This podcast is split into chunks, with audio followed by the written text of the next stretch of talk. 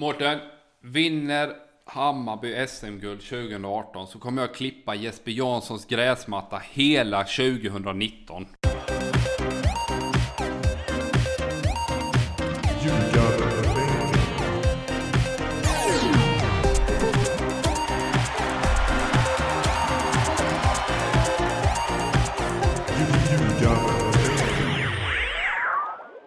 Ljugarbänken nummer 81 is in the house.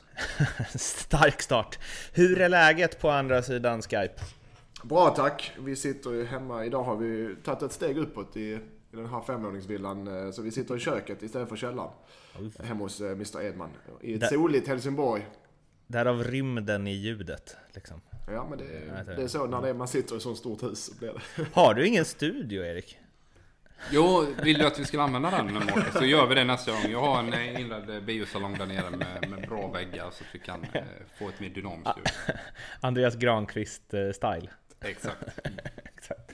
Ja, eh, det är ju uttagning av eh, VM-truppen eh, ikväll. Eh, Vad har ni för eh, feeling? Att det, eller jag kan ju börja med att droppa min. Det är ju att det kan, kommer bli den mest väntade VM-truppen någonsin. Mm. Jag vill ju ha med Sema. Och det är väl egentligen han eh, som är den enda osäkra. Ja, outside- Men jag tycker också definitivt att eh, Ken Sema ska vara med där. Även om han, eh, precis som Östersund, inte har haft samma utväxling eh, som man kanske hade i höstas och, och mot Arsenal då. Han fick ju sig en rejäl eh, hårtork eh, utan att vara där av Hasse Backe igår. Som tyckte att han eh, utmanar alldeles för mycket. Ja, det är ju hans grej. Så att han ska utmana eh, varje gång han är rättvänd med bollen. Sen eh, kan jag tyvärr ge Hasse en liten poäng där att för att bli mer oberäknelig så behöver du ibland släppa bollen och, och gå på, på löp i djupled bakom. Så det finns ju eh, definitivt en poäng i, i hans resonemang. Sen är det ju hans styrka. Han ska ju utmana, han ska dribbla. Eh, men då och då kanske växla upp det med en passning och, och löpa in bakom också. Vem är det, om inte Sema, vem är det då? Alltså vem? En överraskning menar du? Nej men om inte Sema kommer med så kommer ju någon annan spelare med. Vi- har ju ett problem på det centrala fältet eh, med skador. Beror på Jakob Johansson som inte kan vara med. Albin Ekdal eh, är ju mer skadad än frisk. Eh, så, så det är klart någon typ av spelare som kan hantera både en eh, yttermittfältsroll och en central position. Då. Jiloan Hamad. Nej, inte Jiloan Ahmad, men Simon Tibbling tycker jag är mer eh, kompatibel med Jannes eh, spelmodell. Tycker jag, det är min åsikt. Va- Varför inte Gille? Ja, varför? Jag har kanske ingen jättebra resonemang. Han har varit jättebra i, i Hammarby, men jag ser väl kanske Tibbling mer som eh, den här tvåvägsspelaren som Janne vill ha. Eh, för det jag tänker är ju om, om du ska ut med Sema så vill man ju ha in Eller för han fyller ju någon form av så här Han kan komma in och röra om lite och har ju spetskvaliteter Även om det fortfarande går väldigt upp och ner där. Eh, Att man ska leta efter en liknande spelare i sådana fall. För annars så, jag såg någon, någon som skrev på Twitter, det har jag inte tänkt på innan Men det var någon som tyckte att Erik Friberg borde vara med. Eh, Eller att han åtminstone borde vara med i snacket. Med motiveringen att han är minst lika bra som Gustav Svensson Och ex, en Janne-spelare ute i fingerspetsarna liksom Eh, ja, han har ju inte varit med i något resonemang någon gång. Och eh, någonstans så, så är det ju safe, better safe than sorry här hos Janne. Han, han resonerar som att de som tog oss dit är de som ska åka. Liksom. Och Gustav Svensson gjorde också en del bra inhopp tycker jag. Där han visar att det, han håller och, och komma in och, och få en uppgift i en kvart, 20 minuter. Och gjorde det väldigt bra faktiskt. Så att jag, det är ju inget snack om att Gustav Svensson också kommer åka med. Ska inte Sema med så, så eh, finns det ju också den här Sam Larsson. Jag tror han har varit skadad också va. Eh, eh, lite osäker på, på hans status där. Så att, nej, Sema åker med. Det, det blir inte en Jag enda överraskning. nej, nej. Nej, inte en enda överraskning Har det varit några överraskningar i Tvååker eller? Nej, vi vinner som vanligt. Nej jag skojar. Nej, vi... eh, Coachsegrar bara Ja, alltid. Vi hade en härlig... eh, Nej, det, det flyter på som vanligt i Tvååker. Det är stabilt och fint och fint väder. Och solen skiner och grabbarna dricker öl efter vinster. Så att eh, vi, hade, vi var borta i Ljungskile och spelade eh, i lördags. En tuff match. Ljungskile är ju som de brukar vara. Men vi eh, fick Långa oss en- inkast eller? Vad sa Eh, du? Långa inkast. Ja men de spelar lite mer än förr i tiden. Man har ju en, en, ny, ny, lite nya tränare. Men, eh, vi fick med oss en eh, 1-0-seger i 89 Så att vi var nöjda med det. Coach, coachseger, det hör man ju. Nej, det var, nej, det var så, såklart spelarna. De kämpade, kämpade och lyckades. Så det var fint. Ska Mårten, du, du hör hur, hur illa det där klingar. Ska spela ödmjukt där och hylla spelarna när han egentligen vill ta åt sig äran helt själv. Var det, var det en variant som avgjorde? Eh, Det var en, eh, ett snabbt inkast. Ett snabbt inkast. Ja. Eh, tränaren hade instruerat bollkallen där. Det var Alla jag Micke som kastade. Ja. Det Men, var nej, som men, eh, jo, kastade, exakt. Mina spelare gör det bra. Jag, jag, det säger jag inte för att. Jag är jätteglad att jag har mina spelare. De gör det bra. Så Men att, utan att ha tabellen framför mig, ni måste ju inlett bra ju. Ja, och- okej. Eller bra för att vara nykomling. Ja, det har vi gjort. Vi serien har delat sig och vi är väl med på den övre halvan, så det är bra. Du sa ju off rec att ni lätt går upp. Nej. Hur går det för eh, Eskils då? Det går okej. Vi fick eh, tyvärr eh, pisk här mot Oskarshamn borta med, med 3-1. eh, Men ja, vi har väl lite otur i den här matchen. Ganska jämn historia där. Där eh, ja, det kunde gått åt båda håll och tyvärr gick det åt fel håll den här gången. Men vi tar nya tag och så är det Åtvidaberg här nu på lördag som eh, vi behöver vinna. Just de är där nere nu för tiden. De har det tufft också ska sägas. De åkte på 6-3 mot Lund i helgen. 6-3 mot dem. jävlar. Det verkar vara rolig fotboll i alla fall i Utan lägre när, vi, utan när vi spelar. Exakt. Det är därför det går bra liksom. Eh, Men hur har du kommit in i tränarlivet Erik? Eh, nej men jag är ju där en gång i veckan och eh, supportar Martin och eh, övriga som är med i staben och spelarna såklart. Så att, eh, jag trivs väldigt bra. Det är en grym grupp att jobba med som är hungriga på att lära sig och, och lyssnar. Så att, eh, det är mm, ja, jättekul att, att vara en liten, liten del av det. Det lilla jag känner dig känns ju som att du är så här, eh, alltså kan du verkligen eh, ja, alltså du, tänker du inte på Eskilsminne 24-7 liksom? Det gör jag inte. Men, men jag cyklade dit i fredags faktiskt. Men min fru var, stack på plantagen och skulle handla blommor.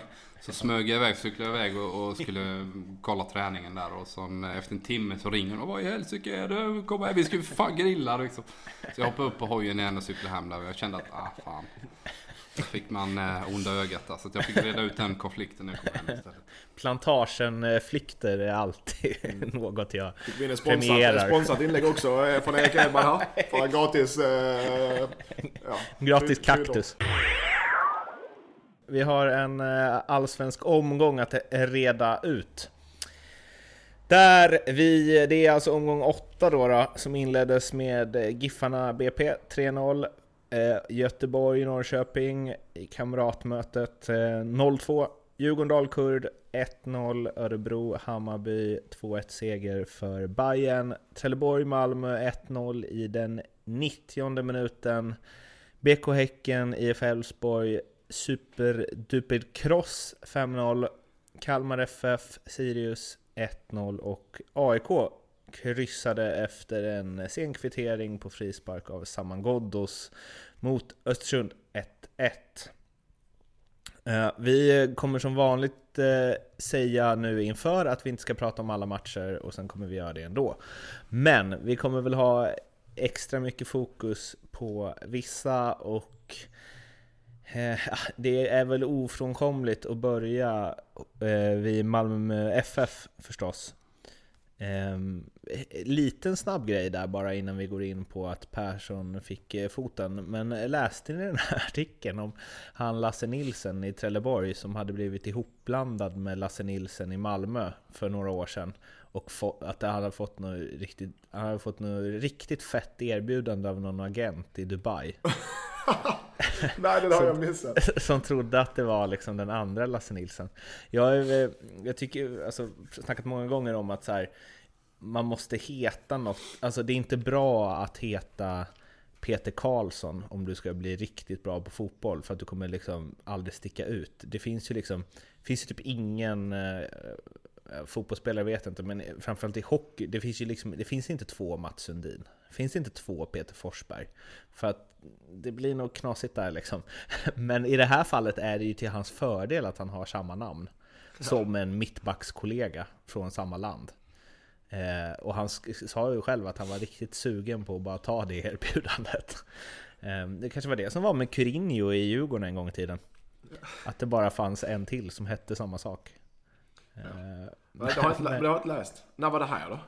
Nej men det var efter att han avgjorde mot Malmö. Jaha. Så berättade han att han hade Jaha. blivit ihopblandad med den Lasse Nilsson som spelar i Malmö nu. Så det är också en väg att ta mm. eh, barn. Men eh, MP fick sparken till slut. Daniel Andersson tar över i alla fall eh, tillfälligt. Får vi se hur länge det håller i sig.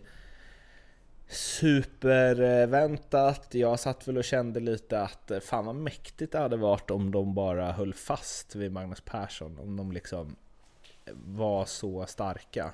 För jag skulle säga att guldet är kört oavsett. Men det bidde inte så.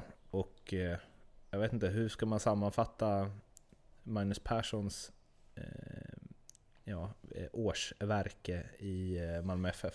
Det är ju som de, de flesta är inne på att det är såklart ett fiasko. Att de, de ligger så långt efter och har presterat dåligt också för den delen.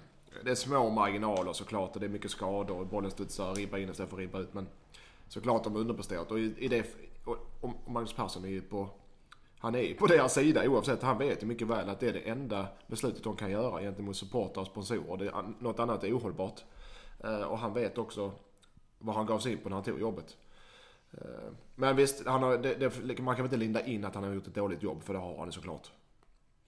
Okej, okay. och då när man lyssnar på hans presskonferens så menar ju han ändå, han har ju otroligt lite liksom Även om man har förståelse för deras beslut så har han ju otroligt lite han tycker att de har gjort, han, han tycker kuppfinalen var dålig. Men annars tycker han ju att de har spelat bra. Och är förtjänta av mer. Och det har ju även typ Marcus Rosenberg varit inne på. När ni har sett MFF spela i år, Alltså kan man säga så här, för att Magnus var ju, förr eller senare, eller vi hade vunnit snart. Och det här hade kunnat vänt, det är liksom en självförtroende grej och jag vet att jag hade lett det här laget till en seger ganska snart. Alltså just det här med kontinuitet och långsiktighet i det fallet.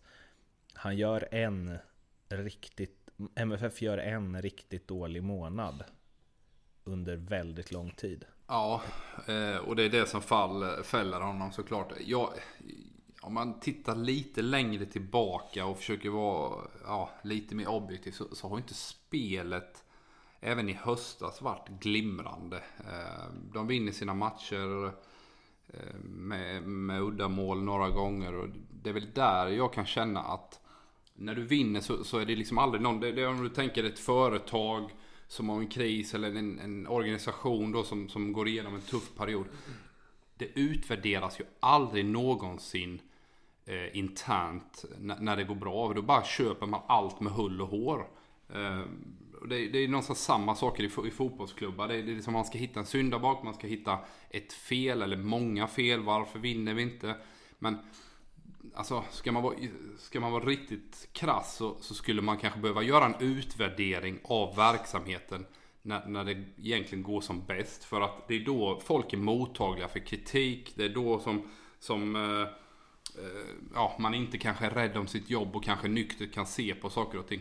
Och det skulle jag efterfråga oftare i föreningar. Eh, vi har ju flera, flera lag där det har gått väldigt tungt nu en längre tid. Jag menar Elfsborg har det också. Men jag menar, är problemet bara tränaren hela jäkla tiden? Men tror du inte Malmö, Malmö, tror du inte Malmö har gjort, de är väl så pass kloka, har så pass eh, kloka folk att de gör det. Även om de vinner så, eh, så har de utvärderingar, de, de går igenom eh, allt som behöver gå igenom för att fortsätta den fina trenden. De, de kan inte gå i den fällan. För en grej, en grej man måste ta upp här, nu med risk, jag tror inte att jag är snett på det här, men Magnus Persson tog väl en poäng mindre än vad Allan Kuhn gjorde i fjol. Och ingen av dem gick till Europaspel. Och Kuhn rök ju rätt tätt in på säsongsslut. Eh, efter en utvärdering liksom. Och det som de kom fram till efter MPs förra säsong var ju uppenbarligen att han var bättre än Allan Kuhn i alla fall. Men det är det jag menar, att kunde- de, nu vann de med kon men ändå så valde de att kicka honom. Och det är det, de gör utvärderingar och, och De måste de ju förändrar fast något... de vinner. Så det gör de, De- Alltså, faktiskt jag, Malmö. jag pratar i generella termer Ja, kring... jo, men nu pratar vi alltså, Malmö. Alltså jag har ju såklart ingen koll på om, om Danne har gjort en genomlysning av hela verksamheten efter 2017 eh, och så vidare. Men generellt så är det ju alltid så att så fort man förlorar fotbollsmatcher då, då, då jäklar, då ska man vända och vrida på varenda jäkla sten. Men det, det kan vi bara ta hur det var i HIF liksom att, att eh, det var liksom, eh, ja, man, man, man hade liksom, eh, man tar in externt folk som ska kolla hur klubben funkar. Och det gör du fan bara när det går dåligt. Egentligen, ju, när man ska göra det är ju när det går bra. För då är ju folk mottagliga för saker och ting. Det är då man är öppen för förändring. Ehm, och det, det kan jag störa mig på i verksamheter. Sen säger jag inte att detta är caset i Malmö. Men jag känner ju lite att fan, agera är ju... Det är inte alltid att kicka tränarna. Att agera är ju faktiskt att tro på någonting hela vägen. Sen eh, känner de väl att de har nått vägs ände då med Magnus antagligen. Liksom. Men jag, jag är fan... Jag, jag tycker det här kortsiktiga blir ledsen. Eh, Det, det är två grejer eh, som jag tänker på. Dels så, om jag uppfattar dig, eller är det så, tycker du att Magnus Persson, att han inte gjort ett tillräckligt bra jobb även när man räknar in förra året? Alltså, borde man kunnat tagit det här beslutet tidigare? Alltså, för någonstans är det ju så här, Magnus är ingen, han är inte en sämre tränare nu än vad han var för tre månader sedan. Nej men det är som du, du snackade om efter du var, kom hem från Bradenton. Då var det liksom mys, eh, mys, mys, mys och allting var så jävla positivt i Malmö. Det är det jag menar att har, har han blivit så jävla mycket sämre nu då för att han har torskat några matcher och gått emot dem? Nej det har han såklart inte. Det, det de är inne på är ju att, eller Danne sa igår på presskonferensen, vi vill ha in lite ny energi, vi vill skruva på lite saker. Det enda Danne kan bidra med på kort sikt, det är ju såklart att det är ny röst och, och att de får in då lite mer, eh, ja, mitt favoritord, energi då. Men eh, så här, det här är superhypotetiskt. Men om Malmö hade haft den här, om de hade inlett med på Bayern-vis nu. Och sen så efter VM hade de haft den här raden som de har nu. Alltså den resultatraden de har nu. Då hade ju Magnus aldrig fått sparken. Nej, så, Om, nej, om så- det så hade varit mitt i säsongen Ja, liksom. men det, man stirrar sig blind på oftast på säsongsinledningar. Det är det. Eh, och det är, det är likadant så. Vinner man de tre första matcherna då, ska man, då vinner man SM-guld helt plötsligt. Eh, men och förlorar man de tre första matcherna då trillar man ur. Men förlorar man tre matcher mitt i säsongen. Då är det ingen som reflekterar. Precis som du är inne på Mårten. Så att ja, en bra start hade räddat honom. Men nu blev det tyvärr inte så. Daniel Andersson tar ju över.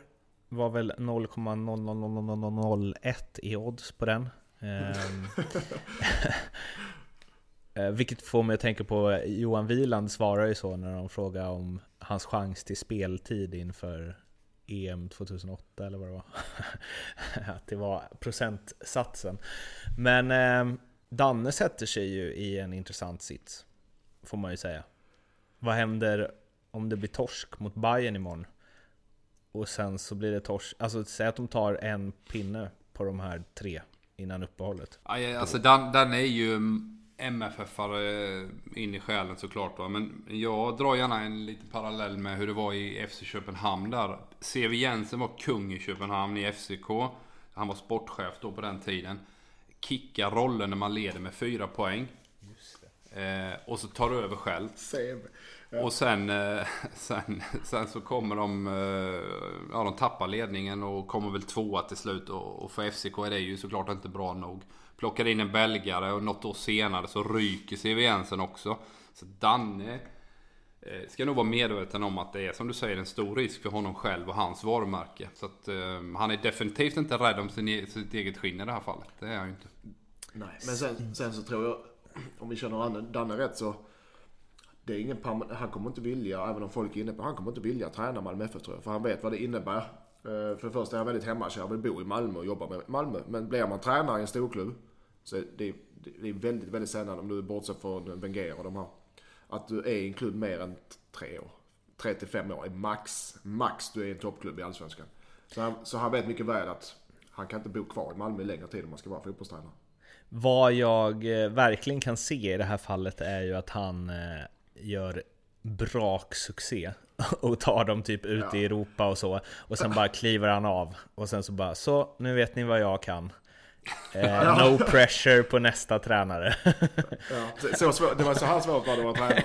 Men de, ja, jag, jag kan inte uttömma Dannes tränaregenskap. Det är omöjligt.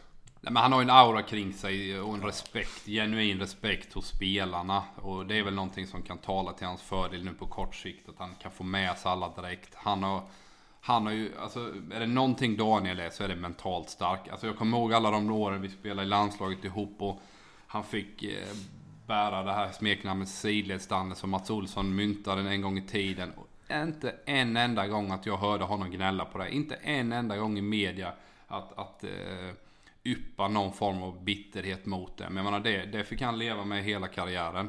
Eh, Det är bättre än ditt uh, alibi Edman som du nej men eh, jag, jag tycker ändå det säger någonting om hans karaktär. Liksom att eh, han är otroligt stark och trygg i sig själv. Eh, Ja, ja. Och det, det, det ger ju honom eh, respekt här nu faktiskt i det här fallet. Jag tror alla spelarna ställer upp på honom. Sen vad han står för fotboll, det är ju helt omöjligt att säga. Vi kan väl säga så här. Det kommer inte se ut som i cupfinalen i MFF något mer under Daniel Andersson. Att spelare inte jobbar tillräckligt. Nej men det, det har ju varit ett stort problem tycker jag. Om man pratar lite taktiskt här så, så anfallsduon där oavsett om det är Jeremejeff, Rosenberg eller, eller Strandberg. Det har varit alldeles för lätt att spela förbi dem. Jon Persson var inne lite på det i pausen i cupfinalen. Att, att eh, Djurgården hittade in bakom eh, Malmös mittfält. Men anledningen till att de gjorde det. Det var ju att det var för enkelt att spela förbi forward och hitta in på Djurgårdens mittfält framför Malmös mittfält. Och därifrån trycka in de här instickspassningarna. Så att de måste ju få ihop en, ett, ett lag som sitter ihop. Eh, Malmö är inte så bra just nu att de kan försvara med åtta spelare. De måste ha, ha en mer kompakt enhet och det börjar med, faktiskt med de här två anfallarna som springer där uppe och inte gör jobbet Det börjar tillräckligt. alltid med forwards. Om vi nu tänker att Danne inte ska vara där i, på tränarposten i evighets evighet då? Va, vad ser ni som den... Om vi, om vi tänker kanske lite så här, visst det måste vara realistiskt men det måste inte finnas något rykte eller så om det. Vem tycker ni Malmö borde gå för på tränarposten? Då får jag börja. Jag tror att Erik håller med mig faktiskt. Jag tycker Potter. Malmö ska gå på Potter och Potter ska gå på Malmö tycker jag. Eh, två anledningar. För det första i Potters fall. Att han, eh, Östersund, jag ska inte säga det är ett sjunkande skepp men de har nog nått sin peak just nu. Eh, det är mycket kring klubben med, som ni vet med skattegrejer och det. Eh, och det är alltså svårt att se att de kan fullfölja eller fortsätta med sådan, eh, så som de har spelat för. Eh, och Potter behöver nog en nytändning också. Så sett, eh, och, och materialet finns i Malmö att jobba med.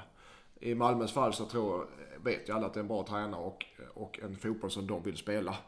Eh, Det räcker inte att vinna matcher i Malmö, du måste spela en attraktiv fotboll också. Så att eh, jag tror det är win-win där. Och det sen vet jag såklart inte med klausuler. Potter skrev ett nytt kontrakt precis. Förutsätter att han skrev in någon sorts klausul. Eh, annars så var det väldigt konstigt. Och Malmö har pengar om de vill ha. Om de vill ha den så har de pengar. De har väl varit där och skavt förut? Det har de all säkert. Ja, Jag, jag tycker också det känns som ett eh, perfekt val. Man kan ju alltid gå på någon äldre person. Eh, Hasse Backe är säkert i någon form av resonemang på någon bruttolista. Du har Stuart Baxter som sitter i Sydafrika, förbundskapten. Eh, jag tycker Potter också känns klockren. Och han borde ju också inse att det här kommer... Det här, det här skeppet går inte i rätt riktning just nu på Östersund. Folk kommer vilja dra. Alla inser ju såklart att åker Kindberg in så kommer inte han kunna styra det. Jag menar det är inte Pablo Escobar som kan sitta på La Catedral och, och styra showen Det ändå. vet du inte. Det vet du. Det här kanske han kan. Nej, han, Nej, såklart inte. Det, blir- det, Ja. De har... Stå, stå, alltså det, det här kommer inte sluta väl för uh, Östersund eh, eller såklart. Kindberg för den delen. Nej, Och det är ju någonstans att så här, oavsett vad som händer med Daniel Kindberg så det kommer inte bli vad det var. Nej, det är det jag menar. Det är det vi är inne på allihopa. Att det, de har nått sin peak. För tillfället. För tillfället, exakt. Hammarby-Malmö imorgon. Eh, ska på den fighten. Är det bra för Malmö FF att spela den på pappret och med årets resultat hittills svåraste matchen i hela Allsvenskan? Första matchen efter att Daniel Andersson tagit över. Eller är det dåligt? Där, jag, oftast får man kortsiktig eh, positiv reaktion med tränarbyte. Jag tycker det är en perfekt match för Malmö. För nu kan de bara... Om, ja, det för dem är det bara ut att köra. De, de har ju faktiskt ingen press på sig för första gången på hur många år som helst. Ut, kör, släpp allt ni har och verkligen börja rätt ända. Släpp det, jag ska inte säga släppa det taktiska men tryck bort allt, allt ni har lärt er höll jag på att säga, men, och bara gå ut och bara kör för fan. Bara kör. Ibland måste man ha, börja rätt ände så man inte låser sig med taktiska drag och flyttningar och press och allt det går. Ut och kör allt ni har. Det, hade, det är väl det jag kan tänka mig Danne, att visa, en, som är, liksom, visa energi. Jag tror mycket Malmö kan vinna den matchen. Alltså. Alltså, det tror jag också. Men tänk, tänk om Jiloan Ahmad avgör. alltså, som inte Malmö ville ha. Och så bara ut mot MFF-bänken, hyschar. Nej, det tror jag inte han gör. Det gör han inte. Men det hade varit Som en bra du film. vill se den med Mårten. Jag såg journalisters dröm. Det hade, hade varit en bra, ett bra eh, första sida hade det varit. På tal om Hammarby då. Örebro-Hammarby slutade 2-1 till Bayern. En utvisning tidigt på Kennedy Egboananike som var, blev omdiskuterad och en utvisning efter matchen på Johan Mårtensson som väl blev än mer omdiskuterad. Mohamed Al-Hakim stod i TV efteråt och förklarade eh, hur de hade resonerat den andra i alla fall, Mårtensson, eh, den, vi tar det i rätt ordning förstås, men den, eh, ja, den, jag vet inte fan. Men eh, Kennedy Igboananikes, det är väl på, är det på Kalili? Vad säger ni om det röda kortet? det är horribel utvisning. Frispark kan jag köpa. Ingen varning, definitivt inte ett rött kort. Så det är en jättemiss av domarna. Det är det. Ty, tycker det du tycker det? ni, Va? Tycker du att det är en sån stor miss av domarna? Att ett rött kort i det läget är för Man sett- träffar ja, honom inte? En frispark köper jag. Jag, jag. Jag tycker inte ens det är varning. Sätter han inte liksom axeln i skallen på honom? Eller? Ja men är det... Ja, nej. För motiveringen han går, var han går in ju att- hög fart med kroppen så om axeln hamnar i huvudet så... För, för, för motiveringen var väl att han inte går på boll? Men det är det han gör ju. Mm. Men man får vadå? Man får gå in och trycka till med kroppen eller får man inte det? I fotboll? Jo, jo är det man, fortfarande den här gamla regeln att få gå in med, med sidan och trycka till? Jag säger inte att han man- gör det, men jag bara undrar. Man måste, måste man? Ja. ja, det är såklart inte utvisning. Okej. Gult tycker jag definitivt. Ja, okej, vi, kan, vi tar gult då, men det är för fan, jag fick rött så det är inte ens på tapeten.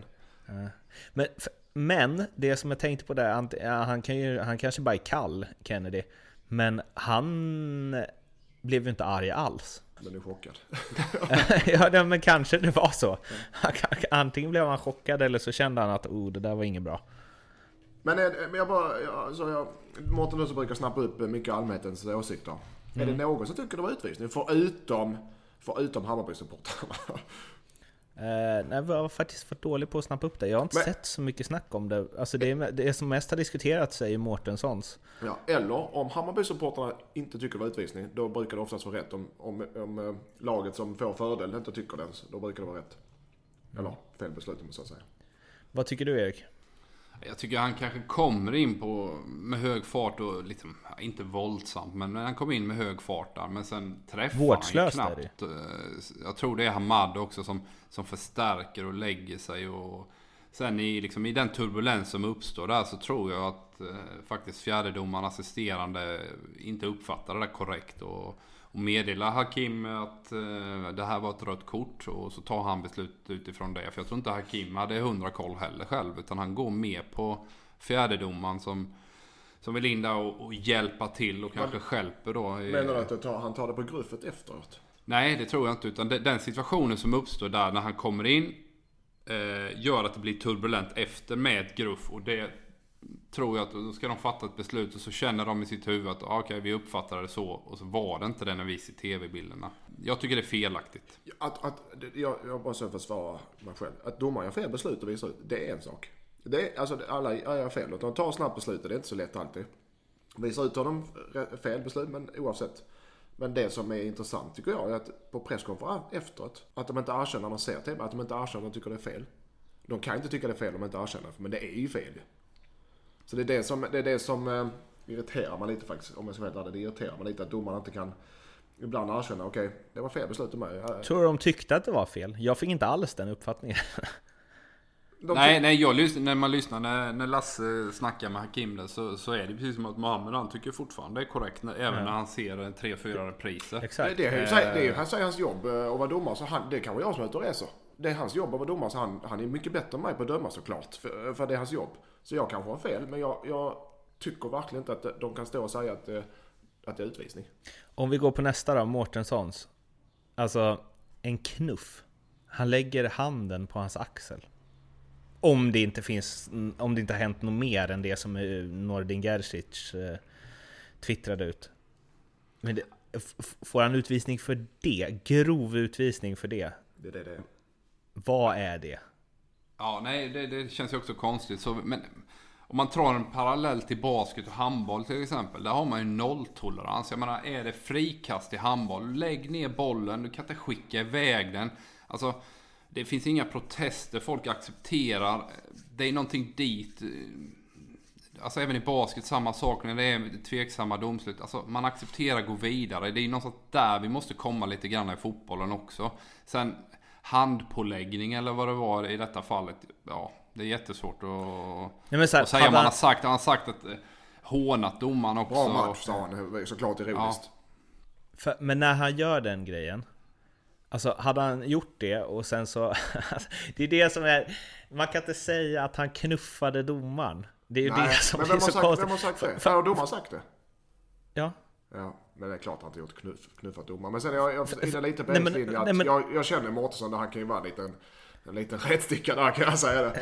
Eh, men men eh, det, det är väl mest det som är grejen. Han knuffar såklart inte domaren. Men, eh, Nej, men, och då kan du inte, man kan inte stå och säga det i sändning då Att han har knuffat, alltså för att Nej, Det han gör, inte. hade han gjort så och sagt så här bara Och tyckt att han gjorde en bra match och sagt det på riktigt, inte ironiskt om det hade, varit- då hade det, eller det är ju ingen knuff Han lägger ju handen ingen på hans axel Alltså Nej, nej, det är klart. Det är det jag menar. Det, där kan man, måste man kunna säga som domare att det är okej att visa ut honom där. Det kan jag faktiskt eh, tycka. Eh, men det är definitivt ingen knuff. Det måste man kunna erkänna.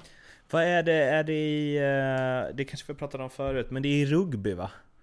Där liksom, alltså som är typ den tuffaste sporten av alla. Där, där de har sån sjuk respekt för domarna. Där de liksom helt tysta bara står som så här fromma lamm så fort alla de här liksom eh, som, De ser ut som huliganer allihopa liksom. Men eh, domarna är liksom, de säger inte ett ljud till honom. Nej, det men det, det är det jag menar. I andra sporter så, så har domaren en, en helt annan auktoritet. Eller liksom en... Ja, det är som en sträng magister som man nästan är rädd för känns det som i andra Mm. sporter. Och fotbollen, du ser ju här La, Liga-matcher, El Clasico. Liksom, de är framme och puttar och, och säger Mm. grejer. Och man har en acceptans som domare. Det är väl det lite man, man behöver i så fall se. Och det är ju mer ett större problem i så fall än bara en enskild match Ö- Örebro mot Hammarby. Så det är klart att du inte ändrar det när det kommer i stridens hetta. Utan det är, det är ju en, liksom ett förhållningssätt eh, som man måste ta tag i på högre nivå än bara enskild match. Fan vad intressant det hade varit om man gjorde, alltså att så här, att rusa framåt domaren eller liksom gå aggressivt eller vad man ska säga framåt domaren. Om det hade varit varning. Det är det. Nej. Jo, det är det. Nej men är. det blir ju inte det. Nej men det det ska vara det. Det säger Ja. de alltid till Ja, domaren. men om det var stenhårt. Alltså om det var Ja stenhårt. men det, så, det, det, det, det, det är Erik inne på att såklart inte över en natt men successivt göra det. men om man hade gjort det och sen så här att typ att ifrågasätta domaren eller så här tjafsa med domaren är rött. på- Men det, är- Alltså, vi- vi det, kan då, hade det varit, då hade det varit väldigt Det hade varit intressant om man bara skiftade det stenhårt och sen så första matchen är El Clasico. Men jag tycker, det måste jag faktiskt, för nu känner jag att jag är negativ. Jag tycker domare, svenska domare generellt bra, ska jag säga, tycker jag. Eh, man- du in ja, det, det, ty, ja men det tycker man jämför med de länder jag har spelat i. Jag vet inte om Erik som har spelat i alla länder i Europa kan hålla med mig, men det hoppas jag att du kan. Sen är det också, hade domarna, det kan jag säga också, hade domarna följt reglerna så hade vi fan inte haft en spelare kvar på planen då, några matcherna i Allsvenskan. nej, nej, det är jävligt sant i och för sig. Erik, vilken... Eh, vart har du varit bäst domare där du har spelat? Ja, England tycker jag är överlägset. De är grymma där faktiskt. En bra grej som var i England det var ju att den Premier League-domare som bodde lokalt nära ja, din klubb så att säga. Han var där och tränade på träningsanläggningen. Just för att man ska ha en, en förståelse för varandra och man kan diskutera olika saker som har hänt och ja, lite, lite bygga en relation. Va? Så, så jag, det tyckte jag var en bra grej som man gjorde i England eh, för att få närhet till varandra och just det här förståelse för att fan, tokigt ditt jobb är riktigt, riktigt svårt att utföra och det ska fattas beslut väldigt snabbt. Och tycker jag i England är de väldigt skickliga domarna och det kan vara en grej vi kan ta efter i Sverige också. Att man har ja, studiebesök eller man är med på träningar och sådär i högre utsträckning. Sen är det ju en ekonomisk fråga också. Det här är ju liksom proffs eh, som har bra ersättning i England såklart. Eh, Det har de väl i Sverige med. Många är ju eh, fulltidsanställda domare men det kanske är svårare att genomföra. Det känns det väl som att Juventus hade ganska många år också. Alla Serie A's domare tränade. De bara, så, så, tjena gamla, tjena. Ja. Kunde man liksom bygga relationer där. Per Boman, Sportbladets profilerade Stockholms eh, fotbollsreporter får man väl säga, rubricerade efter Hammarbys eh, seger mot Örebro som vi precis eh, betat av. Bara en dåre skulle hävda att Bayern inte kan vinna SM-guld. Och tur för oss att vi har en dåre med i den här podden då. Erik Edman, take it away. vinner Hammarby SM-guld 2018 så kommer jag klippa Jesper Janssons gräsmatta hela 2019. Åh, där fick vi den. Fick vi. Jag hoppas inspelningen fungerar den låten alltså. Har han en... eh, Har, eller så här, han har inte asfalterat eller så? Nej, jag har varit hemma hos honom. Det är ju... Ja, ja. Ja det är bra. Den är inte så stor dock, hans Ja, men, gräsmatta. och tvätta bilen Erik Edman. Nej, Och- ja, nej, ja, nej, då. nej. Vadå? Vågar du inte, vågar Jag- inte tro på dig själv? Jag tror på mig Nej, det gör du definitivt inte då. Nej, han är ju redan på väg och... eh, Eller men- i och för sig, du ligger bra till i vin... eh, eh, bettet mot Jesper Arvidsson. Ja, men Sirius kommer klättra tyvärr alltså. Tyvärr Vilket också. också, jag intervjuade honom i veckan. Han har ju inte satt något i det bettet.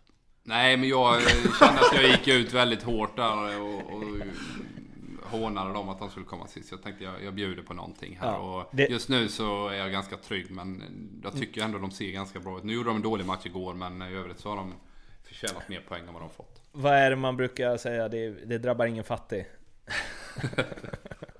ja, eh, Du hör, Men du hör okej. hans, Eriks så nivå på straff för honom är när han måste göra manuella arbeten som att klippa gräsmattor. Alltså köpa... det roliga, de, det köpa en roliga med, och sånt är liksom, ja ja det, kan, det är ingen straff det- för mig. Sluta, Det du, du drar alltid upp det där med ekonomi. Jag är avundsjuk för du Det har, liksom- jag är avundsjuk för du är mång multimiljonär Erik Ja, och, det och lever på räntorna. Och lever på räntorna. det där är roligt för att det är ju det han liksom säger att han ska göra om Hammarby vinner är ju det som så här, alla människor gör på sin egen tomt. Men Nej, men du har en tom där Erik, så du bara "Ah, jag kan väl klippa gräsmattan lite. Jag har en robotgräsklippare äh, Mårten som inte fungerar. Min fru är tokig för att den här jävla linan går av hela tiden så man måste lägga ut gräsmattan. Är det det du ska göra Erik? Du ska kö- alltså du bara, hans gräsmatta hela 2019. Det du ska göra är att köpa en el. Och kasta in på tomten bara. Kör Jag ser om jag kan styra ner min egen robot där i hans trädgård också. Så kan jag köra runt där lite. det är gött.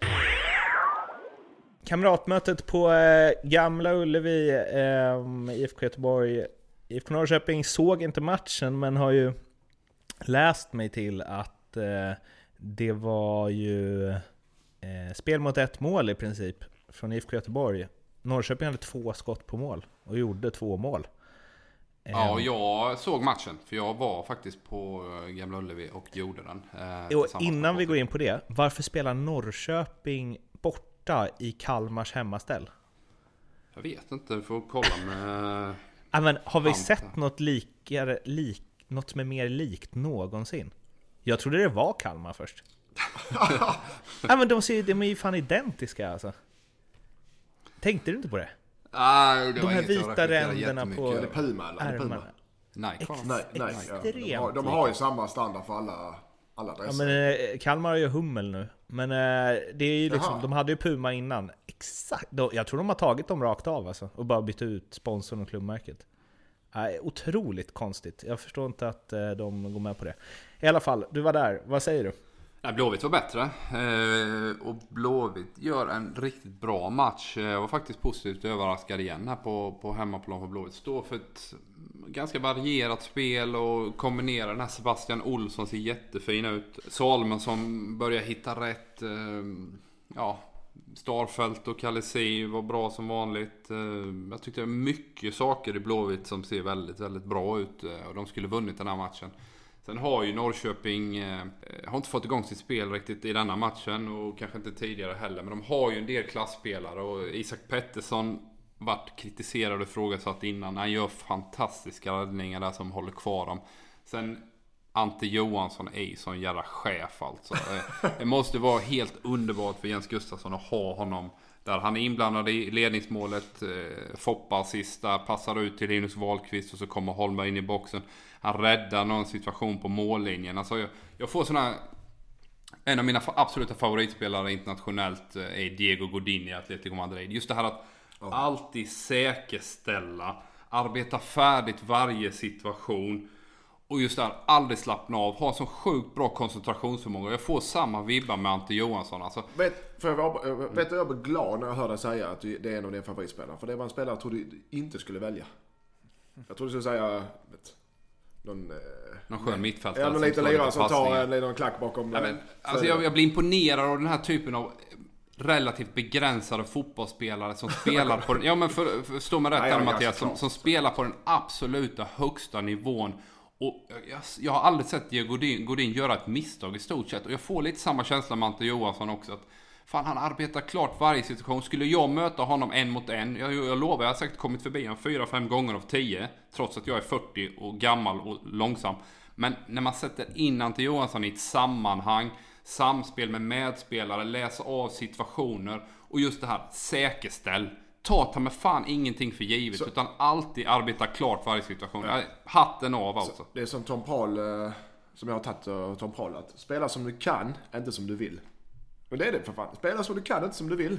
Och det gör Vante. Och han gör det jäkligt bra. Men du, även om du liksom hyllar... Du sa att du tycker att IFK Göteborg ser väldigt intressanta ut och att det är mycket som eh, ser bra ut där och så. Eh, de är ju, jag vet inte, de är ju lite... Jag har väldigt svårt att få grepp om dem. Men de, och det kanske är det här nya som Poja håller på att implementera, men... Alltså... Ja, men i grund och botten så har det... De förlorar, de spelar dåligt och kan vinna. Det men, finns liksom Jo, ingen... men det, det, Blåvitt i grund och botten, den truppen som de har att jobba med är ju inte tillräckligt stark. Så tycker jag ändå att de får ut väldigt mycket av det materialet han har. Och återigen, analysera inte resultatet, titta på prestationen. Och den är jäkligt bra i denna matchen. Eh, den var bra mot Häcken också. Mot Malmö tycker jag också den är bra, men det är en annan typ av prestation. Mer hårt jobb, stå rätt i försvarsspel, kontra. Här står de faktiskt för, för ganska många bra offensiva kombinationer som borde betalat sig, men det gjorde inte det denna gången. Men de är på rätt väg. Blåvitt ser spännande ut utifrån sina förutsättningar. Sen ja. är det ju inget topplag, ja. absolut inte. Poängskörden är väl ungefär som förväntat, eller? Eh, de ligger i mitten och kommer hamna där också antagligen. Någon som var väldigt bra var ju Isak Pettersson i Norrköping. Mm han, alltså, det är väl mycket honom som gjorde att eh, Norrköping vann. Och de släppte inte in honom på fast, eh, defensiv fasta Mårten. Nej, det börjar ta sig. Och Simon Skrabb gjorde mål. Nu kommer han. Ja. Han, ja, Men där har du den också. Skytteligatopp tror jag han kommer. Vi får inte glömma Norrköping så vecka efter vecka snackas det om, i varje fall det, det jag är med om att, hur, så dåliga. Ja, hur dåliga Norrköping är och att de spelar dåligt. Och de, men vad fan. Ja, ja, det är möjligt. Men vad har, om de, det känns som att jag inne på AIK för vad händer om de börjar spela bra då? Nu, de spelar dåligt men de vinner sina matcher på något sätt ändå. Så att det, det, som du var inne på med individuella spelare, det har ju en helhet som lag också. Inte bara att du måste spela bra. Du, om vi sätter prestation eh, kontra resultat ännu en gång då. Du har en helhet som lag som går ut på att vinna matcherna i slutändan. Och hur man gör det, ja det är vilken, hur, man, hur man bygger upp det inför matchen. Men jag, jag tycker, om tittar du truppen Norrköping så har de väldigt många utvecklingsbara spelare som känns intressanta. Jag, jag kan tänka mig att som tränare är det ett av de absolut häftigaste jobben att ha. Mm. För att vecka ut och vecka in, hårt jobb på träning och det är många som gnuggar och du har spelare som blir bättre. Om du tittar på, på 16 allsvenska trupper, hur många kan man, kan man sitta och titta? Fan, ett år till på de här jävlarna så kommer ja. det riktigt bra. Alltså, det är inte så många klubbar man kan titta på trupperna och säga det. Men Norrköping har ju den typen av... Visst, Ante Johansson blir inte bättre. Det, det, Fjällesson blir inte bättre. Men det är många av de andra. Dagestål tycker jag är spännande. Linus börjar komma igång. Simon Tern har faktiskt varit bra. Erik Smith gör en bra match eh, mot, mot Blåvitt. ser, ser spännande Erik ut. Smith gillar jag. Eh, Sigurdsson var inte bra. Nej men de, de har många utvecklingsbara spelare och det talar för Norrköping eh, framöver och även till hösten här. Får man säga, jag tycker att det känns, det är lite som så här året innan de vann guld. alltså sist. Ja, det är liksom kanske så många, jämförelse. det är så många som är på väg mot att liksom mm, bli, bli liksom toppallsvenska fotbollsspelare. Eh, Så det som talar emot att de ska kunna vinna ett guld är ju någonstans att det kommer ändå försvinna Ja, spelare jo, återigen. absolut. Och det var ju det de lyckades med det året, att de lyckades hålla kvar alla liksom. Från ett lag som ser väldigt spännande ut då, och eh, där det finns många spelare med utvecklingspotential, till ett lag som ser allt annat än spännande. Eller ja, det är väl spännande utifrån att man inte har en jävla aning om vad som ska hända i deras matcher. Elfsborg 0-5 mot Häcken. Gojani, ett självmål som är bland det värsta jag sett. Ishizaki på samma, eller inte riktigt samma nivå, men ett galet självmål det också. Och alltså, jag vill vara väldigt noga med att säga att jag inte tror att det var det. Men jag kan ju säga så mycket som att om det här hade varit Syrianska eller något äh, liknande så hade det varit matchen är uppgjord rubriker. För att det där ska hända två gånger i samma match. Att målvakten ska backa ut till vänster och spelarna utan att titta upp slår den i andra hörnet. Ja. Jag, jag tror aldrig, alltså det är ju extremt sällan man ser sådana självmål. Och att två i samma match. I, Och det, är, ja, och jag, det- är det, är enskilda situationer och laget funkar inte och så nu och bla bla bla.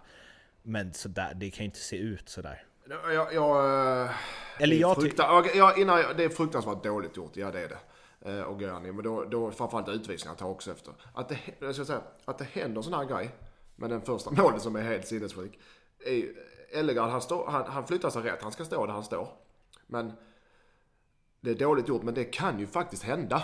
Det kan hända. Det är fruktansvärt dåligt gjort och det är ingen som kommer diskutera det, men det kan ju hända. Men En i gång. Elfsborgs fall så kommer alla olyckor på samma gång nu. Det, det, det, det, är inget, det är inget som går deras väg. Och, att det händer två gånger i samma match, har du det också. Det är ofattbart egentligen. Det kan hända. Det är ruskigt dåligt gjort, men det kan hända. Men två gånger.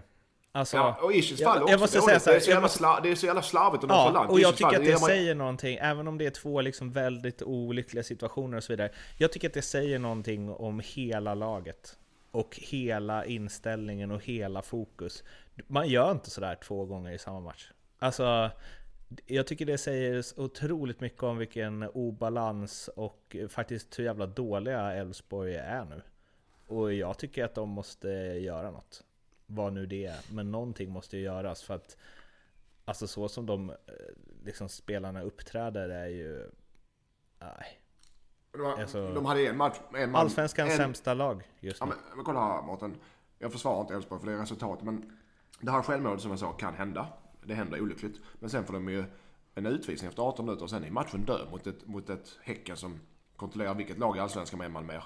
Så att, att Ja, men det, det är intressant, det alltså vadå, det är andra... Örebro fick ju en utvisning ungefär lika tidigt mot Bayern. De kunde ju stå upp. Alltså, ja men Häcken är ett annat sorts lag. Men, Jo men de ledde och ledde de ju med 1-0 Mårten och liksom parkerade bussen lite grann där och, och det är en helt annan situation i truppen såklart när man, när man leder av självförtroende och, och de här bitarna.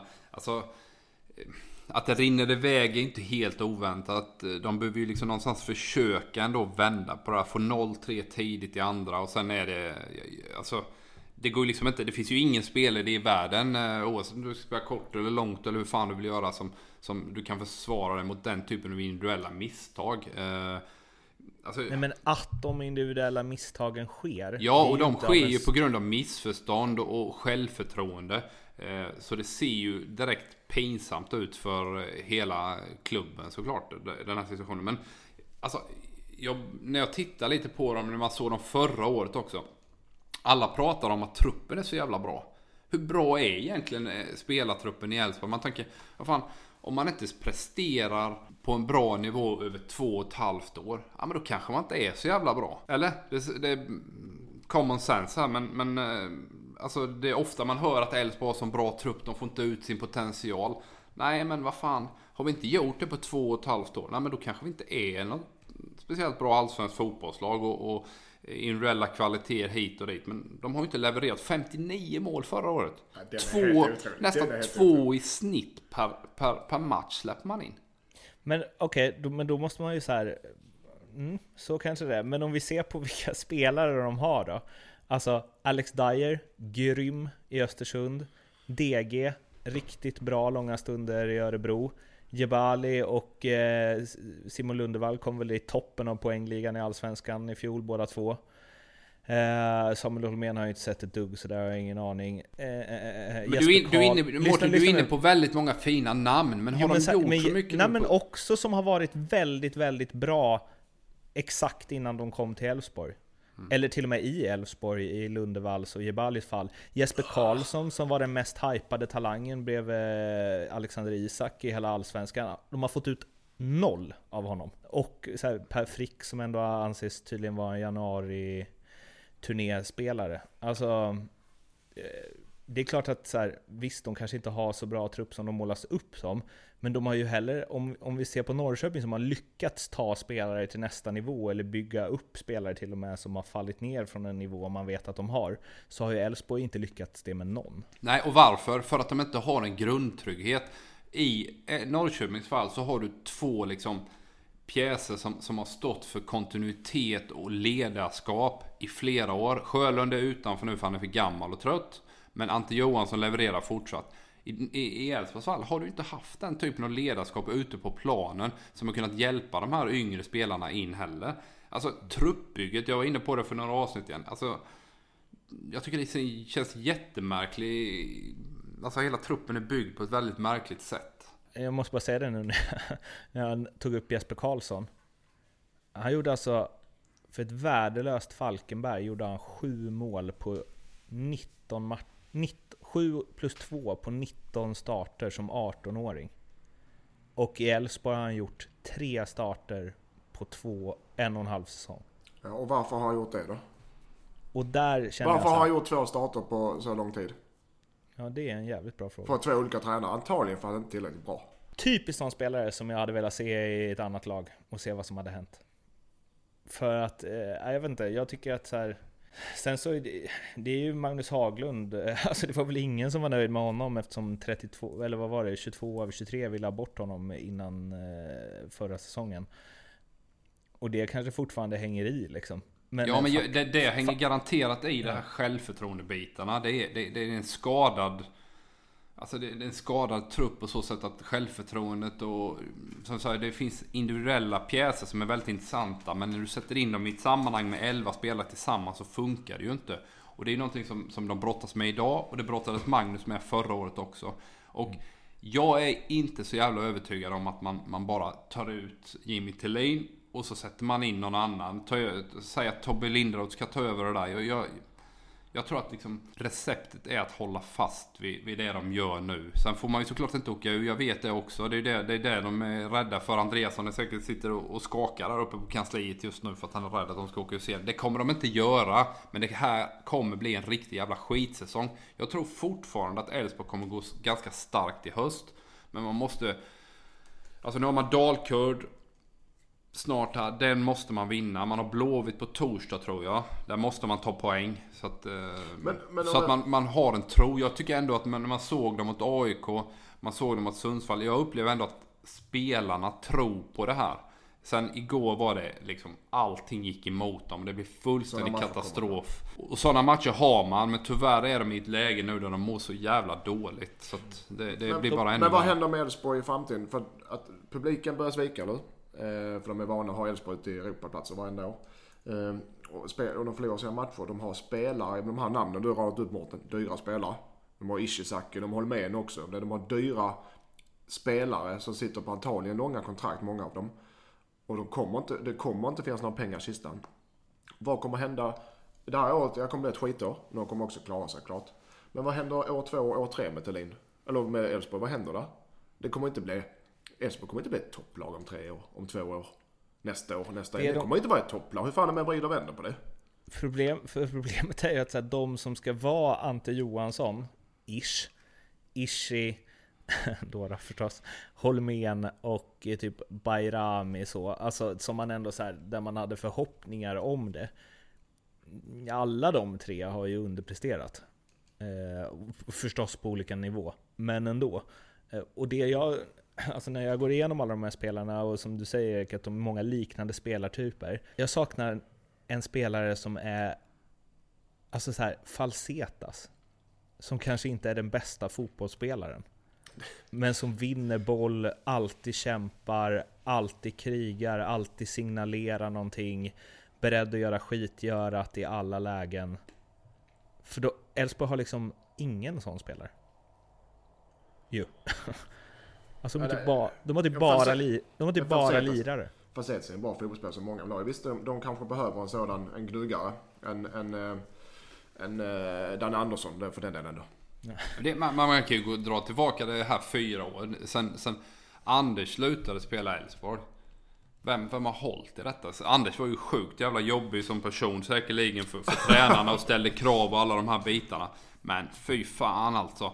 Vilken, vilket, alltså han, han styrde och ställde. Och det var någonstans någonting som Elfsborg mådde bra av. Även om det, han var väldigt obekväm när det kommer till Eh, att tycka och tänka. Eh, många gånger säkerligen för både Jörgen och för Haglund. Så, så, så är det ju Anders har man inte lyckats ersätta på något sätt. Man har försökt med olika spelare men den typen av ledarskap ute på planen som vi snackar om med Ante, som Rasmus Lindgren har i, i Häcken. Vad har vi mer för spelare? Nisse Johansson har slutat. Ja, men jag tycker även Henok står för det många gånger i AIK nu också. Det saknar man i Elfsborg. Sen vem ska ta den rollen? Nu är ju ingen eh, mogen att göra för de har fullt upp med sig själva. Så det är ju kanske en process över tid att någon kan kliva in där och, och axla någon form av ledar, eh, ledarroll i laget. Eh, men nej, det är bottenlöst mörker just nu såklart. Men jag tror inte lösningen är att byta tränare en gång till. Ja, I det här fallet tror inte jag det heller. Det tror jag inte. Jag tror fortfarande att Thelin är en bra tränare.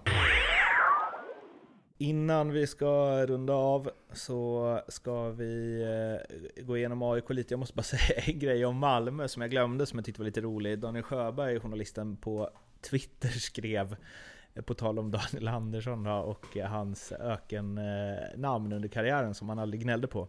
Poya Ashbagi inför höstmötet med Malmö FF. Malmö är Sveriges bästa sidledslag. Sen kan man tycka vad man vill om det. 500 miljoner på kontot och bara spel i sidled. Men de är ju jäkligt bra på det.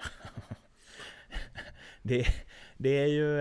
Och sidledsspel, det är ju inlägg fast längs marken. Så det finns väl, finns väl någonting där, får man ju säga. Eh, I alla fall AIK.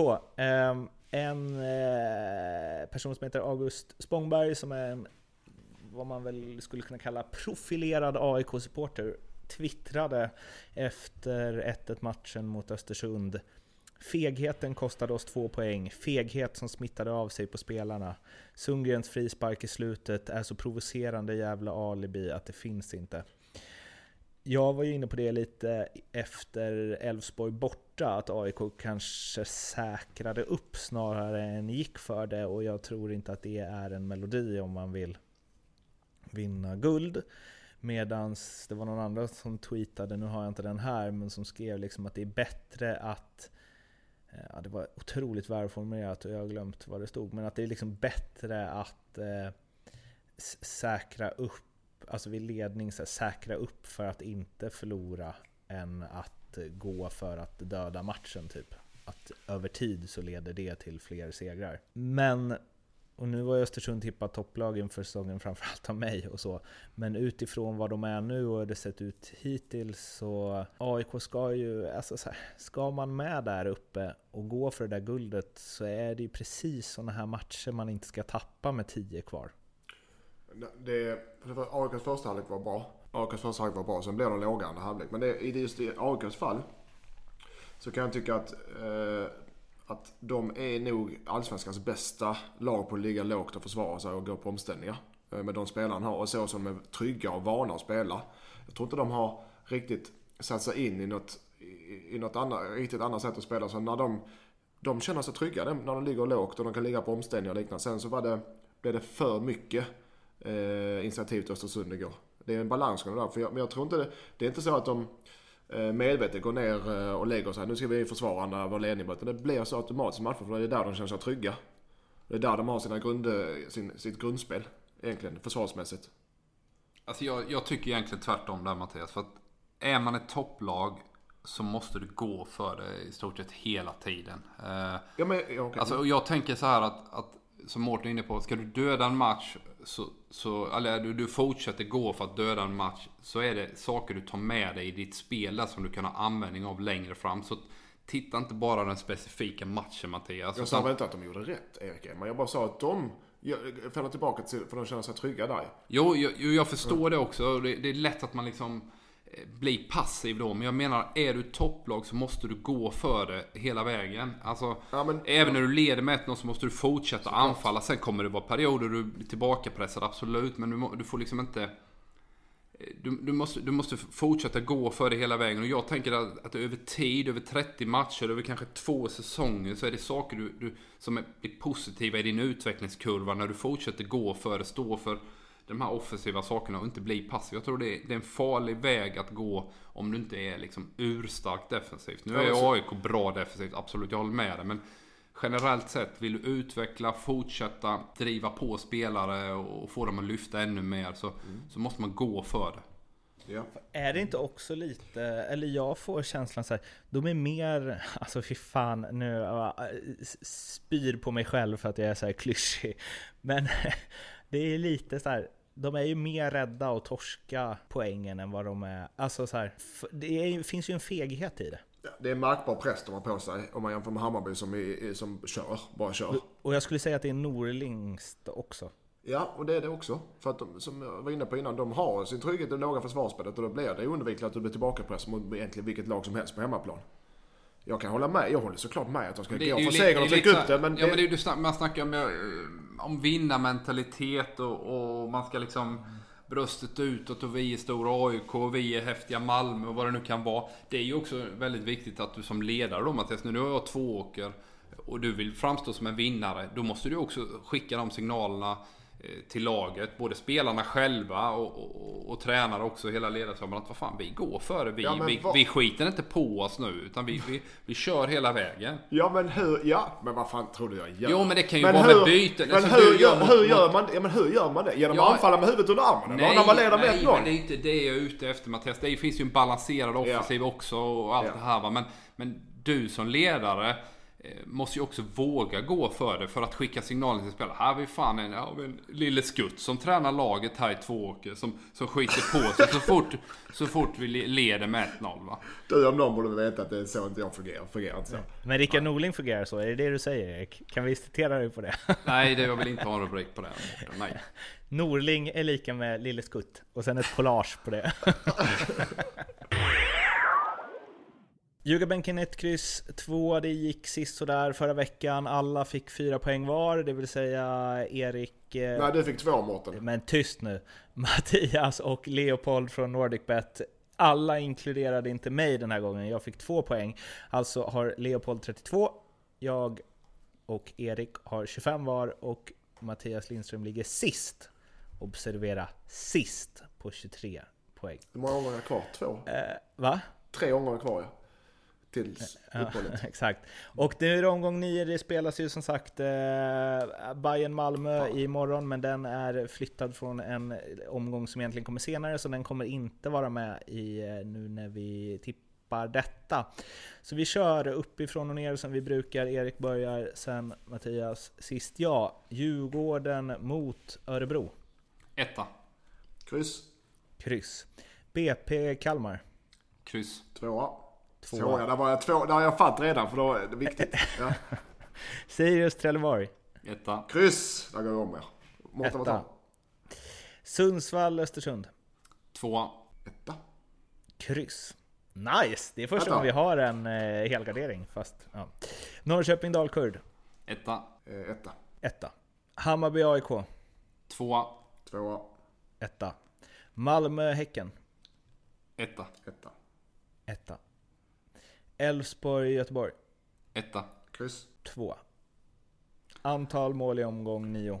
Eh, Jag har satt 19. 17. 15. Då eh, får ni gärna gå in på länken som finns eh, i Acast och vi twittrar ut den och vi facebookar ut den och den finns överallt. Ni ska inte kunna missa den och sen så vore det kul om ni också lämnade in er rad och lägger ni dessutom ett bett på ett en match i omgången där oddset är 1,50 eller högre och sätter en hundring på det. Så ni är också med i ehm, chansen på omgångens jackpot då på 25 000 spänn. Den får ni ju om ni sätter eh, alla rätt också. Det var det för den här veckan eh, och ni eh, vet ju var vi finns. Det är sociala medier åt eh, höger och vänster och Twitter och Facebook och in och rösta på iTunes och Acast och hej och hå så hörs vi igen om en, ja vi hörs väl lite kanske ikväll efter att VM-truppen tagits ut men annars så hörs vi om en vecka ungefär. Tills dess får ni ha det bra. Hej då!